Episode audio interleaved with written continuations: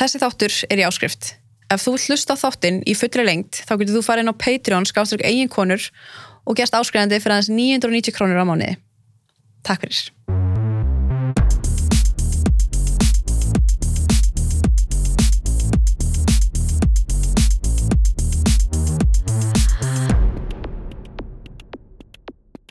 Ég ætla bara að byrja, en ég ætla bara að koma með beintæfninu. En já, ég ætla að byrja að fara yfir svona það sem hefur gerst eftir að auður, okkar allra besti, kom fram í Íslandi í dag. Og ég ætla að lesa upp svona það sem hann segir, það sem hann er í rauninni að axla ábyrða og það er, hann segir hérna, það er í grunninn munur á því að trúa þólendum og trúa orðrómum. Ég get ekki tekið við því sem er algjörlega ósatt. Ég vil axla ábyrða þeirri hegðun sem ég ber ábyrð á sem er særandi og óþægileg. Ég hef verið að fara yfir mörg og ég hef verið meiðandi í minni hegðun. Ég hef ekki gert mig almennilega grein fyrir hegðun minni. En ég ber samt uh, algjörlega ábyrðaðni. Uh, Þannig tala hann raun um að bara vilja sko, ekki axla ábyrða þessum orðrómum og hann segir aldrei ég hef nöðgæði eða ég nöðgæði, hann segir alltaf ég hef farið yfir mörg og ég hef verið ágengur í kynlifi. Þannig í raunin er hann að nota svona þessi orð sem smætta ofbeldið sem Mhm. þólendur upplifa.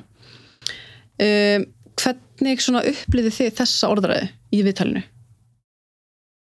Ef við byrjum bara þér, Kalla.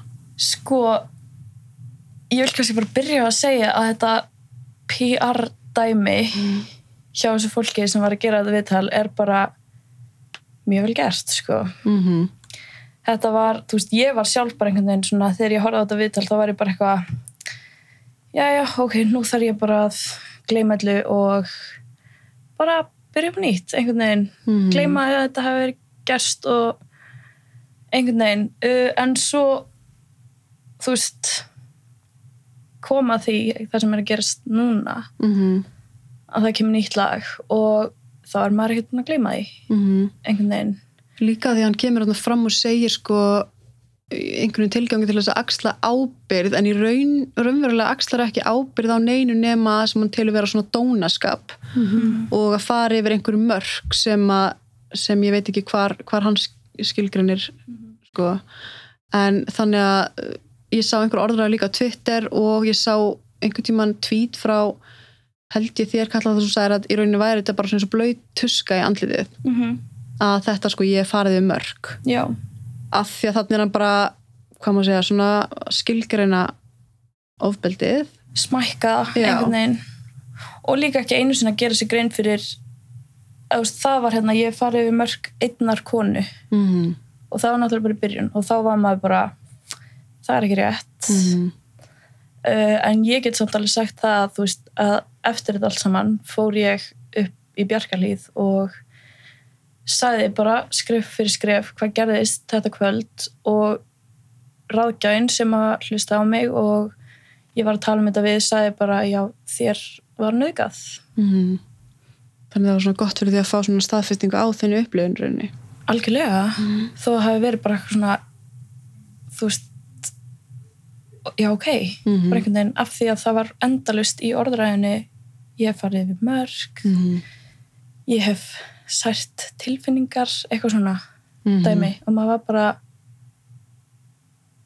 þetta var, já, þetta var mjög þetta var alveg bara ömulegt að horfa á þetta já, en eins og fyrir þig, hvernig var það veist, þegar, þegar þú svona fegst þér að vita af þessu viðtali Úf, ég held ég að bara fengið að vita svona klukkutíma á hann fyrir loftið mm -hmm. og ég horf ekki mikið á sjónvarpið þannig að ég sá þetta bara eitthvað svona, ég var í heimsókn og sá eitthvað auglýsingu að hann var að fara að vera eitthvað viðtali Mm.